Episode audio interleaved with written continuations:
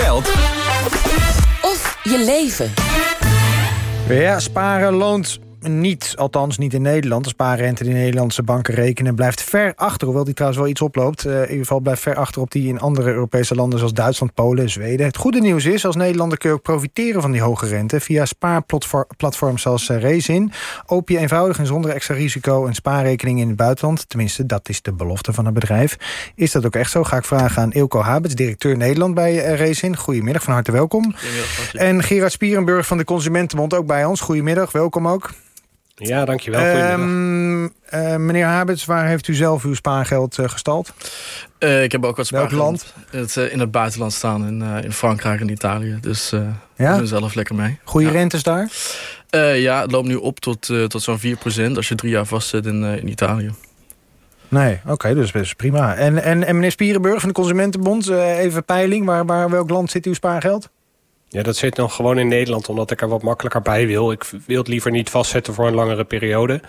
Uh, en drie jaar is op zich nog te overzien. Maar ik heb er toch voor gekozen om het voorlopig nog maar in Nederland te houden. Ondanks dat die rente daar ja, flink lager is. Ja, bent u daar eigenlijk mee bezig elke dag? Van, hey, waar staat de rente op voor mijn spaargeld?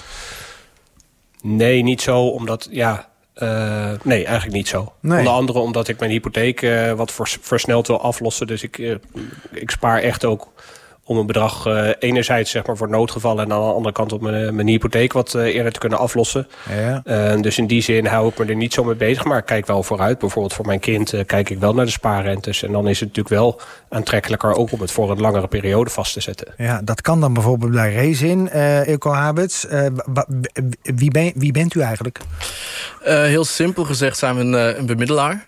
maar dat is een modern jasje. Dus als je bij ons aanmeldt... dan heb je eigenlijk via een online platform kun je de banken en de landen kiezen waar je wilt sparen. En dan kun je het daar vastzetten of uh, vrij aanneembaar sparen. Dus het is niet alleen dat je het uh, vast hoeft te zetten. Dat is dan aan de klant om die keuze te maken. En ik kijk bij jullie welk land ik het meeste spa spaarrente krijg? Of hoe werkt dat dan? Eigenlijk, uh, we zijn een vergelijkingsportaal. we zetten alle informatie neer. En dan kun je zeggen, nou, ik wil voor de hoogste rente gaan... of ik wil uh, voor dit land gaan. Je kunt daarop filteren of je kunt selecteren welke landen je naartoe wilt.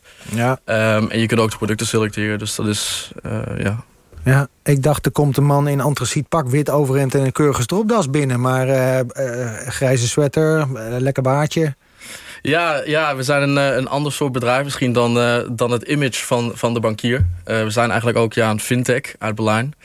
Uh, dus het is, het is een andere methode wellicht dan, dan voorheen. Maar bent u een bank? in onze groep hebben we een bank, Raisin Bank.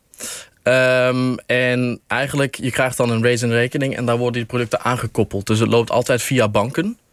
Uh, maar we zijn zelf als Raisin een, een, bemiddelaar. Maar er zit een Raisin Bank in Duitsland uh, tussen... zodat je geld uh, via Raisin Bank naar het buitenland kan. Oeh, klinkt wel een beetje... dat ik denk, hoe ingewikkeld, laat maar zitten. Maar als ik mijn spaargeld buitenland wil stallen... Mm. komt het dan bij Staat dat dan bij u? Waar komt nee. het terecht?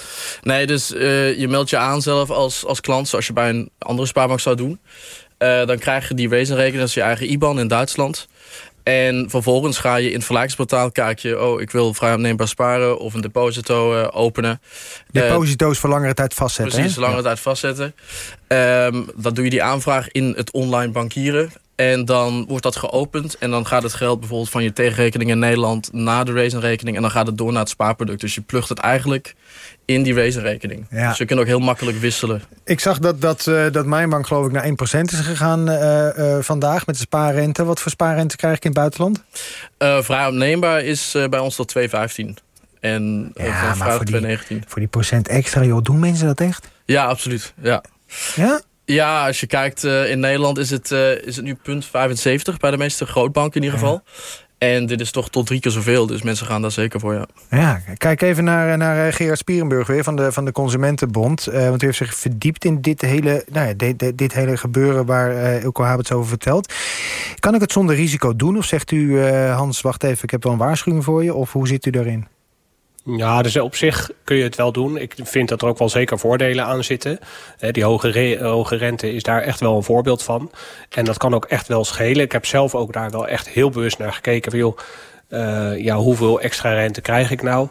Uh, ja, daar, ik vind het dus echt wel een heel... Uh, het overwegen waard, laat ik het zo zeggen. Mm nadeel vind ik wel dat het vaak ook wel voor wat hogere bedragen is. Hè, dus vanaf 20.000 zoiets. Dus dat, ja, dat moet je maar net hebben.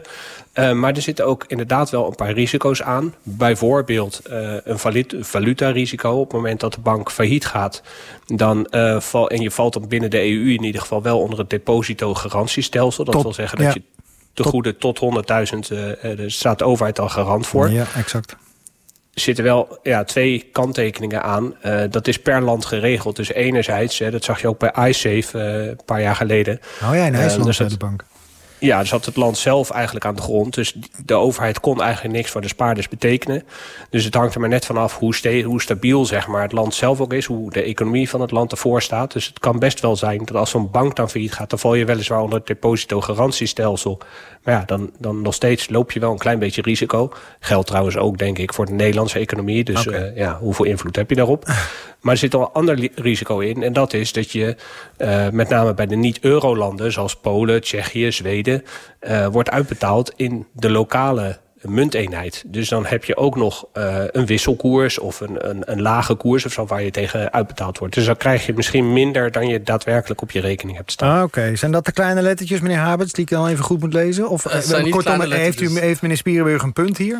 Uh, ja, tuurlijk. Het, het is geregeld per land, 100.000 euro of een gelijkwaardig bedrag in, in die valuta. Ja. Um, en wij zorgen tot, de, tot mensen weten van wat als er iets misgaat, wat krijg je terug? En wat, wat kan hier uh, aanhangen? Maar kan het dan zijn dat als ik in een euroland, niet-euroland... mijn spaargeld gestald heb staan... dat ik niet exact het bedrag terugkrijg wat ik, daar, wat ik er heb staan?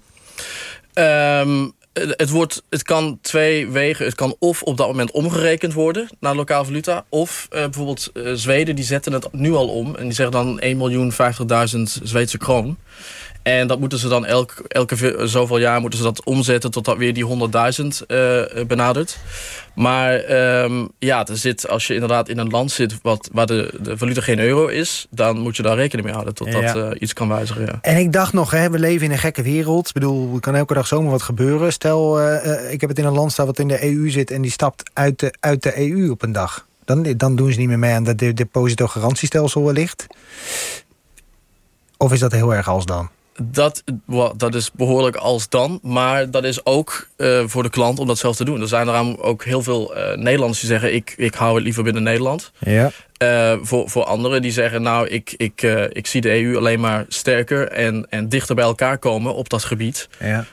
dat komt wel goed. Dus dat, dat mag iedereen voor zichzelf afwegen. Dat, dat soort dingen kunnen wij niet nee. op de verre, verre toekomst voorzien. Het kan ook dat Nederland zelf ooit zoiets doet. Dus dat weet je niet. Ja. Goed om af te wegen in ieder geval. Ja. Um, ik, kan me ook, uh, ik kan me ook voorstellen dat dat... Ja, sorry hoor, ik kan me ook voorstellen dat dat trajecten zijn die vele jaren in beslag nemen. Dus dat, dat zie je van veraf aankomen, dat is één. En het tweede is dat er in zo'n situatie ook allerlei verdragen worden afgesloten. Ja. Dus ik kan me ook voorstellen dat daar dan afspraken over worden gemaakt. Oké, okay. uh, en tot slot meneer Habets, uh, wat verdient u weer zelf aan? Want u moet ook nog eten.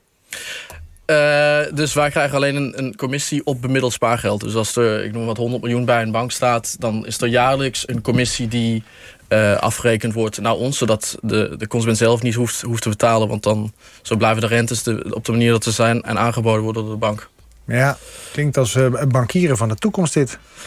Uh, dat proberen we wel, ja. ja. ja. zo gaan we vooruit. En welk land is het meest populair momenteel om je spaargeld neer te zetten? Uh, Frankrijk, Italië. Frankrijk, Italië, daar moet je zijn. Niet voor het weer, want uh, de Formule 1 gaat zelfs niet door... maar wel voor je spaargeld, ja. zie ik in Italië. Dank, Ilko Habets, van directeur Nederland bij Rezin... en Gerard Spierenburg van de Consumentenbond. Ook hartelijk dank.